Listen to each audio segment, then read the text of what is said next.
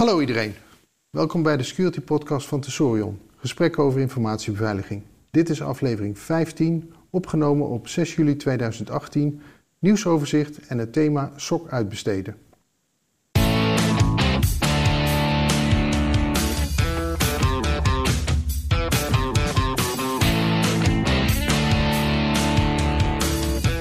In deze aflevering de onderwerpen fake dating, Gmail privacy zorgen, gezichtsherkenning, AVG blijft lastig en het thema SOC zelf doen of uitbesteden. Ik ben Lex Borger en vandaag is Roel Glaudemans mijn podcastmaatje. Hallo Roel, hoe is het met jou? Hallo Lex, uh, goed met mij. Het, uh, volgens mij is het ook niet zo lang geleden sinds wij elkaar gesproken hebben. Nee, dat was de vorige podcast nog. Ja, dat uh, geloof ik ook. Jij hebt desondanks toch een beetje van de week? Ja, altijd. En ik blijf weer dicht bij huis uh, als ex-astronoom. En ik heb recentelijk een presentatie gehad van een professor van de Universiteit van Leiden. Ja. die is bezig met de, de KIDS Survey. En een survey is feitelijk een scan van de hemel met een bepaald instrument. Ja. En in dit geval hebben ze een scan gemaakt van kosmische achtergrondstraling. Uh, en het interessante conclusie daaruit was dat hij wat hij waarneemt niet kan verklaren met de ons bekende natuurkunde. Dus hij zei, uh, waarschijnlijk is ons fundamentele model niet helemaal juist. Um, en dat uh, vind ik toch wel een hele interessante, want we hebben natuurlijk een tijdje gedacht dat we er waren qua zeg maar modellen. En we hadden alleen nog een probleempje met zwaartekracht, maar het probleem blijkt dus wat groter te zijn. Ja. En dus dit is een mooie uitdaging voor uh, de nieuwe generatie onderzoekers. Ja. Oh, ik had helemaal niet door dat we dachten dat we er waren. Ik dacht dat we zowel aan de, de, de grote kant als de kleine kant van het spectrum van uh, ja, het, het wezen van de natuurkunde, dat we daar nog echt niet de modellen helemaal glad getrokken hadden. Nee, dat, dat klopt. Uh, er, zijn, er zijn problemen met het naast elkaar leggen van kwantummechanica en relativiteitstheorie. Ja. Maar ik denk dat het probleem groter is dan men eigenlijk dacht. Ja, ja ik zag het ging, dit ging over uh, dark matter, donkere materie. En ja, ja dat is uh, sowieso iets wat, waar we echt heel weinig tastbare ervaring mee hebben. Nou ja, we kunnen zien dat het er is, maar we weten nog steeds niet wat het is. Ja, nou, heel interessant. Dus uh, er is nog steeds ruimte voor een nieuwe Einstein. Uh, laten we zo zeggen, mijn zoontje werd er heel enthousiast van. nou. Ja, ook ik ga met mijn weetje dicht bij uh, het onderwerp blijven wat ik al eerder heb gehad. Want de, de apenrots van Siska die houdt me nog steeds kennelijk bezig. Ik kwam van de week een TED-Met-talk tegen van Frans de Waal. Ken jij Frans de Waal? De, de, naam zegt me wel wat, maar ik weet ja. niet meer direct uh, wat. Nou, hij heeft in ieder geval uh, heel veel uh, vooraanstaande boeken geschreven over dierengedrag. En ook al is hij Nederlands en heeft hij een groot deel van zijn ervaring in Nederland opgedaan, voor, woont hij volgens mij nou in de Verenigde Staten. Um, en hij heeft een, recentelijk een, een TED-Met-talk gegeven over de surprising science of alpha males. En het leuke is buiten het feit dat het uh, heel veel ingaat op de dingen die Siska sowieso al besprak. Uh, dat hij in die hele talk één woord niet noemt. Dat is namelijk Trump. maar we weten wel waar het over gaat. en en wat, wat, wat waren de surprising signs? Kun je er één noemen? Nou, het is, het is niet zozeer surprising signs. Ja, eigenlijk de, de conclusie is heel verrassend, maar die, die wil ik eigenlijk uh, niet verklappen in, uh, in deze podcast. Dan moet je gewoon eventjes die 15 minuten investeren en het verhaaltje beluisteren. Ja, wat hij doet is hij legt wel het begrip alfa-mail anders uit dan Siska deed. En mm -hmm. dat, dat geeft wel een verrassende wending aan het einde. Oh, nou, ik, ik ben benieuwd. Ik ga, hem, ik ga hem afluisteren. Goed zo. Nou, dan, gaan we, dan sla ik toch even de nieuws, uh, nieuw op de website over. Ik had eigenlijk gedacht dat daar nog een nieuwe aflevering van jouw blog uh, op zou komen te staan, maar dat is dan net niet gebeurd. Hopelijk ergens, ergens in de komende dagen. Oké, okay, prima. Nou, dan, dan gaan we gewoon door naar het uh, nieuwsoverzicht. En het eerste onderwerp was fake dating. En die heb jij gevonden. Ja, het toont me weer eens aan dat er eigenlijk geen, nooit een harde scheiding tussen privé en zakelijk is. Is dat Hamas heeft fake dating apps gepubliceerd met als doel het Israëlische leger. En om zo informatie te verkrijgen. niet alleen om, om geheimen los te krijgen, want het kan natuurlijk altijd, zeg maar, je koppelt een, een, fake dame of heer eraan en je laat ze gewoon vragen. Ja. Maar ik bedacht bij mezelf dat het ook nog een ander ding met zich meebrengt. Is namelijk die fake dating apps, die communiceren met een server. En die IP-nummers, daar zit een locatie aan vast en die kun je op elkaar plotten. Ja. Dus door het installeren van de app, ook al doe je er daarna niks meer, niks meer mee, kun je zicht krijgen op de bewegingen van het leger. Ja, inderdaad. En, en je hebt hier heel snel het accumulerend effect van eh, de, de big data. Ja, het, het, het, het, maakt niet uit waar een individuele soldaat is, maar als je plot op de grote kaart en uh, je hebt een paar honderd uh, installaties van die app. En ook al mogen de militairen waarschijnlijk op missie een telefoon helemaal niet meenemen, je kunt er toch op zeggen dat je er toch een paar vindt. Ja, nou heeft Israël een beroepsleger, dus daar kunnen ze nog het een en ander afdwingen kunt denk ik bijna niet meer maken in een legereenheid vandaag de dag dat je de, de, toegang tot internet afsluit en dus je kunt het hooguit goed regelen. Ja, maar het, het projecteert even op onze zeg maar corporate context. Dat betekent dat uh, stel dat iemand de locatiegegevens uh, van WhatsApp eruit weet te krijgen. Ja. Dan hebben de pop aan dansen denk ik. Ja, dat klopt. En wat ik dan ook eventjes in dit uh, geval aandraag, en dat hoorde ik net op het nieuws uh, op weg uh, naar mijn locatie nu, is dat er niet alleen fake dating apps zijn die Hamas gecirculeerd heeft, maar ook voetbaluitslagen apps met betrekking tot de World Cup. Ach. Dus ze proberen waarschijnlijk langs meerdere kanalen meer van die installaties te krijgen en daardoor dat plaatje wat jij net beschetste van de IP-adressen ook beter populatie op te krijgen. Ja, en dan denk ik bij mezelf Hamas en wie nog meer? Uh, ja, het, het, het rijtje mensen die een beetje vijandig naar Israël kijken is behoorlijk lang. Ja, maar het is, laten we zo zeggen, het is, als Hamas dit doet, dan gebeurt dit elders ook. Niet alleen tegen Israël. Ja, ook dat. Ja, in feite, van, van Hamas is natuurlijk wel technologisch kundig, maar veel middelen hebben ze niet. Nee, dat doet mij vermoeden uh, dat het zal vast op meer plaatsen gebeuren. Ja.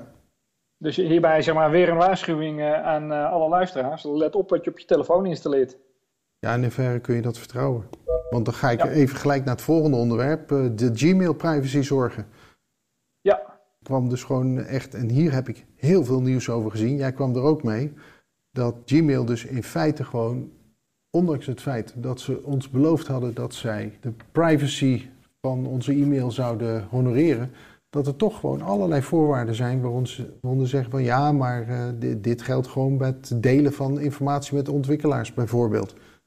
Ja, ja het, het, het, de grap is, is dat als je het heel letterlijk neemt, zullen ze zich vast ook wel aan de regels gehouden hebben. Ja. Google heeft waarschijnlijk zelf niet in die mail gekeken, buiten wat ze hebben aangegeven.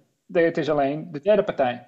Ja, en dat hebben ze gedaan om ontwikkelaars te helpen. En dat is wat ze gezegd hadden bij het doorgeven dat dat voor, het, uh, voor de hulp van ontwikkelaars was. Dus waarschijnlijk hebben ze helemaal gelijk. Ja. Dan krijg je weer de, de Oosterse wijsheid: uh, gelijk hebben en gelijk krijgen zijn twee verschillende dingen.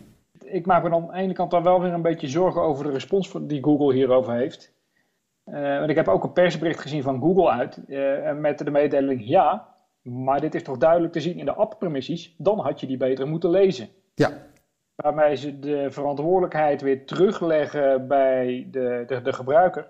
Ja. En natuurlijk, de gebruiker moet zelf ook opletten. Gaan ze voorbij aan de vraag, maar had je het wel duidelijk genoeg aangegeven? De mechanismes die ze gebruiken, zijn die überhaupt uh, begrijpelijk voor de mensen? Ja, en daarnaast moet je ook neerleggen van... we weten ook dat we de banken een zorgplicht uh, opleggen naar hun gebruikers. En ja, gevoelsmatig zou Gmail of Google diezelfde zorgplicht richting hun gebruikers moeten hebben. Zij zijn groot, de gebruikers zijn klein, zij zijn alwetend, de gebruikers niet. Ja, ik, het, het, het, klopt allemaal wat ze zeggen, maar ik had er toch een beetje een nare nasmaak van. Ja, dat kan ik me heel goed voorstellen. Het is uh, in ieder geval een steeds moeilijkere uitleg van. Uh, wat was de, de, de, de lijfspreuk ook alweer? Uh, do no evil. Ja, maar die hebben ze geschrapt, geloof ik inmiddels, hè? Ah, oh, dat verklaart wat. Ja. Hoeven ze die tenminste niet meer uit te leggen. Nee. Ja, en dan, dan eentje die toch wel een andere kant op gaat. Uh, we hebben hem even genoemd gezichtsherkenning. Maar dat gaat om uh, gezichtsherkenning. Uh, ik wist niet hoe dat heette. Juggalo's. In ieder geval de, de soort facial make-up zoals de Insane Clown Posse draagt. En die kende ik wel. Die maakt het facial recognition erg moeilijk. En ook daar waren vrij veel berichten over op het moment dat ik ging kijken. Jij kwam ook hier origineel mee. Ja, dat klopt. Ik zag hem staan en ik heb zelf ooit een college beeldherkenning gevolgd. Mhm. Als je die algoritmes een beetje kent, weet je, als wij naar een gezicht kijken, kijken wij naar het geheel. Ja. Die algoritmes die kijken altijd uh, naar herkenningspunten of uh, herkenningspunten in projecties. Ja. Uh, en als je dat weet, dan kun je ook na gaan denken: oké, van hoe ga ik met het contrast van een foto spelen, of met het toevoegen of, of weghalen van additionele lijnen in make-up. Hoe ga ik zo'n algoritme dan misleiden? Ja. Gezichtsherkenning bestaat in diverse vormen. Uh, je hebt de vormen die alleen camera's, uh, die alleen gebruik maken van een camera. Nou, die is hier gevoelig voor. Een ander gezichtsherkenningsding is wat, bijvoorbeeld op de iPhone X. Ja. Die heeft ook een zender en die detecteert daadwerkelijk ook de diepte. En die is dan weer niet te misleiden hiermee. Of dat hij eigenlijk zijn eigen grid over iets heen legt en die grid waarneemt. Ja. Ja, en daarmee heel subtiel uh, naar het uh, driedimensionale effect kijkt, wat, wat je hiermee natuurlijk niet verandert. Ja, overigens kun je daar met maskers daar ook wel uiteindelijk wel weer wat mee doen. Maar het gaat in ieder geval verder dan uh, wat make-up. Ja, nee, dat klopt. Hiermee zie je dus ook inderdaad dat je je gezicht toch wel essentieel kunt veranderen door clown make-up op te doen. Ja. En dat verklaart waarschijnlijk ook waarom kleine kinderen of inherent blij of inherent schrik hebben van clowns. Ja, Jij zei net van, van wij herkennen gezichten aan hun vorm. Ik heb uh, in het verleden wel eens gelezen van als jij een bekend gezicht herkent, dan kijk je echt naar de vorm van het, uh, de gezichtsinvulling. Dus neus, ogen, lippen zijn dan de, vooral de belangrijkste ken, uh, herkenningskenmerken. En dat maakt dus ook dat je mensen met, die ineens een baard hebben of een hele andere haardracht kunt blijven herkennen. En als je iemand maar vaag kent, dan let je veel meer op uh, de vorm van, van haar en baard. Waardoor ja. je iemand die je vaag kent juist niet herkent, in dat geval. Ja, ja sterker nog, we, we refereren er vaak ook aan uh, als we tegen elkaar op een persoon proberen te wijzen. Is ja. natuurlijk diegene met die baard, diegene met die bril of diegene zonder haar. Ja. ja, dat is het eerste niveau. En anders moet je gaan uitleggen met die mooie blauwe ogen maar dat, uh, dat, dat voelt al privacy-technisch uh, uh, minder, minder ethisch. Dat, dat wordt al heel snel een MeToo-discussie.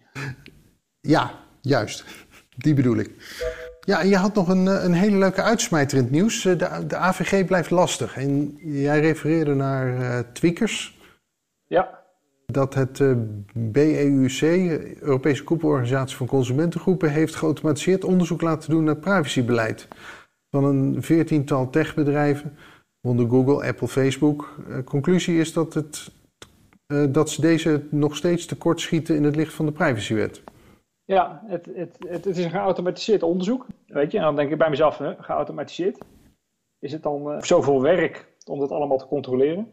Maar wat ze uiteindelijk gedaan hebben, ze hebben een soort van golden template gemaakt van hoe een beleid eruit zou moeten zien. En ze hebben daartegen hebben ze de andere beleidsstukken geverifieerd. Het is natuurlijk een mooie oefening in, in, in herkenning en artificial intelligence. Ja. En natuurlijk ook vanuit de, vanuit de regulator gezien, het, het controleorgaan. Dat is natuurlijk een hele interessante technologie. En de resultaten die eruit komen. Ben even, ik kan het artikel me niet meer zo goed voor de geest halen om te, om te zeggen of het resultaat ook daadwerkelijk handmatig geverifieerd is volgens mij wel, maar ik weet het niet zeker meer, uh, is dat dus, uh, waaronder alle grote techbedrijven, nog steeds een beleid voeren wat niet compliant is. Ja. Ja, of dat ze het in ieder geval nog niet goed opgeschreven hebben. Want ik wil, ik wil niet zo ver gaan om te zeggen dat als je het niet exact zo opgeschreven hebt zoals ja, het uh, BEUC ernaar kijkt, dat je dan per definitie niet compliant bent. Maar dat er misschien meer uitleg bij nodig is. En dat we dus eigenlijk met z'n allen nog steeds goed moeten leren hoe dat er dan uit moet zien. Ja, en dan de, de tweede vraag die mij meteen opkomt is: uh, waarom uh, worden die tekortkomingen nog gedetecteerd? is dat onwil van de techbedrijven of hebben we die wetgeving met z'n allen gewoon te ingewikkeld gemaakt? Ja, en, en de derde die ik denk is van de, de wetgeving is één, die, die wordt abstract, bewust abstract geschreven. En zo'n privacyreglement, dat is juist uh, vrij concreet. En wat je dus in hierin wil, is ze hebben een bepaalde projectie gemaakt dat ze kennelijk een, een bepaalde structuur en, een, en woordenopbouw verwachten. En als ze die niet exact vinden, maar misschien is hun eh, AI-algoritme nog niet goed genoeg getraind. Ja, ja, ik maak me in ieder geval als resultaat hiervan maak me wel wat zorgen over de wat kleinere bedrijven. Ja. Die natuurlijk geen heel leger van advocaten hebben om een privacybeleid eh, goed vorm te geven. En om eh, daadwerkelijk goed geïnformeerd te zijn over zeg maar, hoe je je privacyrichtlijnen uh, implementeert op je eigen platform. Ja. Ja, het, het, is het werkbaar? Maar ik denk dat waar, waar dit waarschijnlijk naartoe gaat, is dat we worden beter in deze scans doen. En dan kun je ook massale scans gaan doen. En dan kun je je onderzoek naar bedrijven die misschien geen goed uh, privacybeleid hebben, veel beter focussen. Ja, en ik ben benieuwd wat ze uiteindelijk met deze kennis gaan doen. Ja, ik zou ook graag uh, daar publieke analyses van zien. Maar het lijkt erop dat ze dat wel genegen zijn te doen als ze er nu al met nieuws naar buiten komen. Ja, maar het is ook wat, ze, wat, ze, de, de, wat de acties richting die 14 bedrijven gaat zijn. Ja, dan moet je inderdaad in detail gaan kijken wat er gevonden is en uh, wat, wat men ervan vindt. Ja. Wat de juristen ervan vinden. Want uiteindelijk is dit, uh, wordt dit misschien een mooi stukje jurisprudentie, waar we ook zeg maar, ons met het rest van het bedrijfsleven aan vast kunnen houden. Ja, ik heb hier een positief gevoel bij. Ik denk dat dit naar eerder naar goede dingen leidt dan naar kwaaie dingen. Ja, het, leidt, het leidt naar goede dingen, maar het, het, nogmaals, ik, ik, blijf me een beetje zorgen maken of, uh, het, of het niet te complex is geworden voor de, voor de, voor de kleinere bedrijven eh, met minder resources. We hebben het sowieso erg complex gemaakt. Ik, wellicht te, te complex, maar dan, ja, de, de, de ervaring moet dat uitwijzen. Ja. Nou, is, dit is er eentje die ik ga volgen, maar uh, we gaan het zien. Ja, en dan komen we bij ons themaonderwerp. We hebben nou het thema gekozen sok zelf doen of uitbesteden. En dit is ook vooral al in een vooruitblik naar een kennissessie die we na de zomervakantie eh, willen houden in uh, Ontspant in Leusden. Mm Jij hebt hier een, een, een, een leidraadtekst voor opgeschreven, die, die ik even voorlees. Veel grote bedrijven maken gebruik van of werken aan een eigen uh, Security Operations Center, SOC. Bij een SOC wordt vaak Security Information and Event Monitoring gebruikt, SIEM. Door de bank genomen is dit dure software die meer inzicht uh, moet geven in assets en anomalieën rond die assets. Het is best lastig en duur om een goed SOC te bouwen. Wat vaak onderbelicht is, is dat het SOC maar een begin is. In de meeste implementaties lost het SOC niets duurzaam op. Het is een signaleringsmiddel, een eerste responsmiddel. De organisatie moet ook klaargemaakt worden voor het verwerken van de stroom security incidenten en om de problemen in de ITIL-zin te detecteren en duurzame oplossingen hiervoor te ontwerpen en te implementeren. En het afnemen van een sok als dienst kan je helpen uh, als kostenbesparing en tijdbesparing. Waardoor meer tijd en budget besteed kan worden aan wat er, wat er echt toe doet, het verbeteren van je interne huishouden. Dat vond ik inderdaad uh, netjes geformuleerd eigenlijk. Ik had daarnaast een artikel gevonden op InfoSecurity, wat ik ook aan de notes zal toevoegen. En die hadden toevallig een ik zeg toevallig, omdat we hadden onze planning al gemaakt voor deze podcast. En toen zag ik dit en die zei van ja, ze hebben een uh, questionnaire uh, uitgezet naar bedrijven. Gezegd van ja, heb je, gebruik je een SOC eh, en zo ja is die dan geïnsourced of geoutsourced. Minder dan de helft van de bedrijven heeft een SOC geoutsourced. Maar 95% van de bedrijven heeft in ieder geval een, minstens één SOC-functie uh, geoutsourced. Hmm. En daarmee maken ze ook hier een onderscheid tussen twee grote functies. En dat is outsource, uh, de monitoringtaak van de outsourcing en de detectietaak van de outsourcing, die jij in jouw stukje ook uh, aanhaalde. Mhm. En uh, er is maar 5% van de bedrijven die dus de SOC-functie compleet buiten de deur heeft gedaan. Ja, dat verbaast me eigenlijk nog niet. Nee.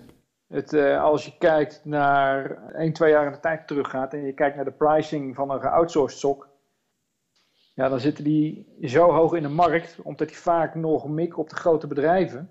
Ja. dat het helemaal niet qua, qua kosten niet uit kan om het uit te besteden. Ja.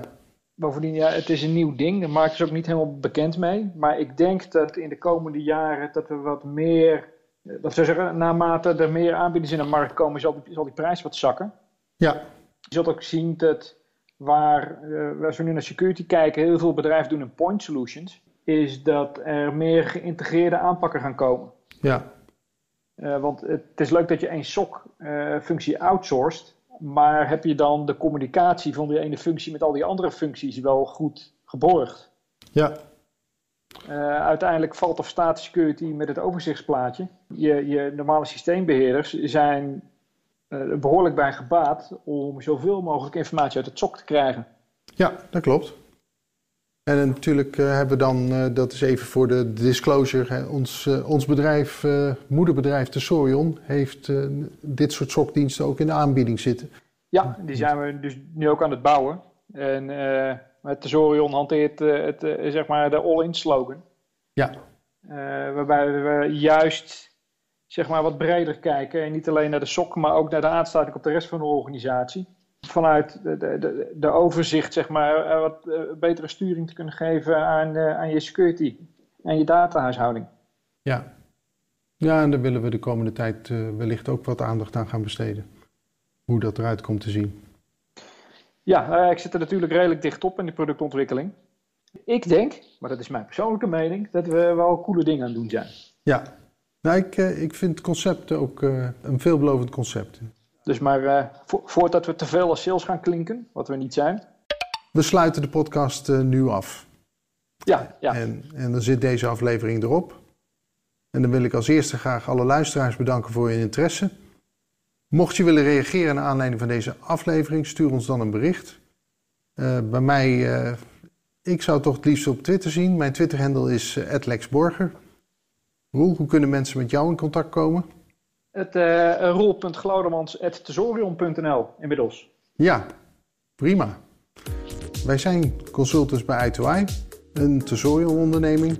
Onze website is nu nog www.i2i.nl. Deze podcast komt eens in de twee weken uit en zal in de vakantie minder vaak uitkomen. Afleveringen zijn te vinden als nieuwsitem op onze website. Je kunt je abonneren op de podcast via de feedlink https www.i2i.nl slash feed slash podcast. We wachten nog even op de verhuizing naar de Tesorion website om de podcast ook in Apple iTunes en Google Play Store vindbaar te maken. Daarover meer wanneer dit beschikbaar is. Roel, dan rest mij nog jou te bedanken voor je bijdrage aan deze podcast. Wij sluiten hierbij af en tot de volgende keer. Ja, tot de volgende keer. Dank je, Roel.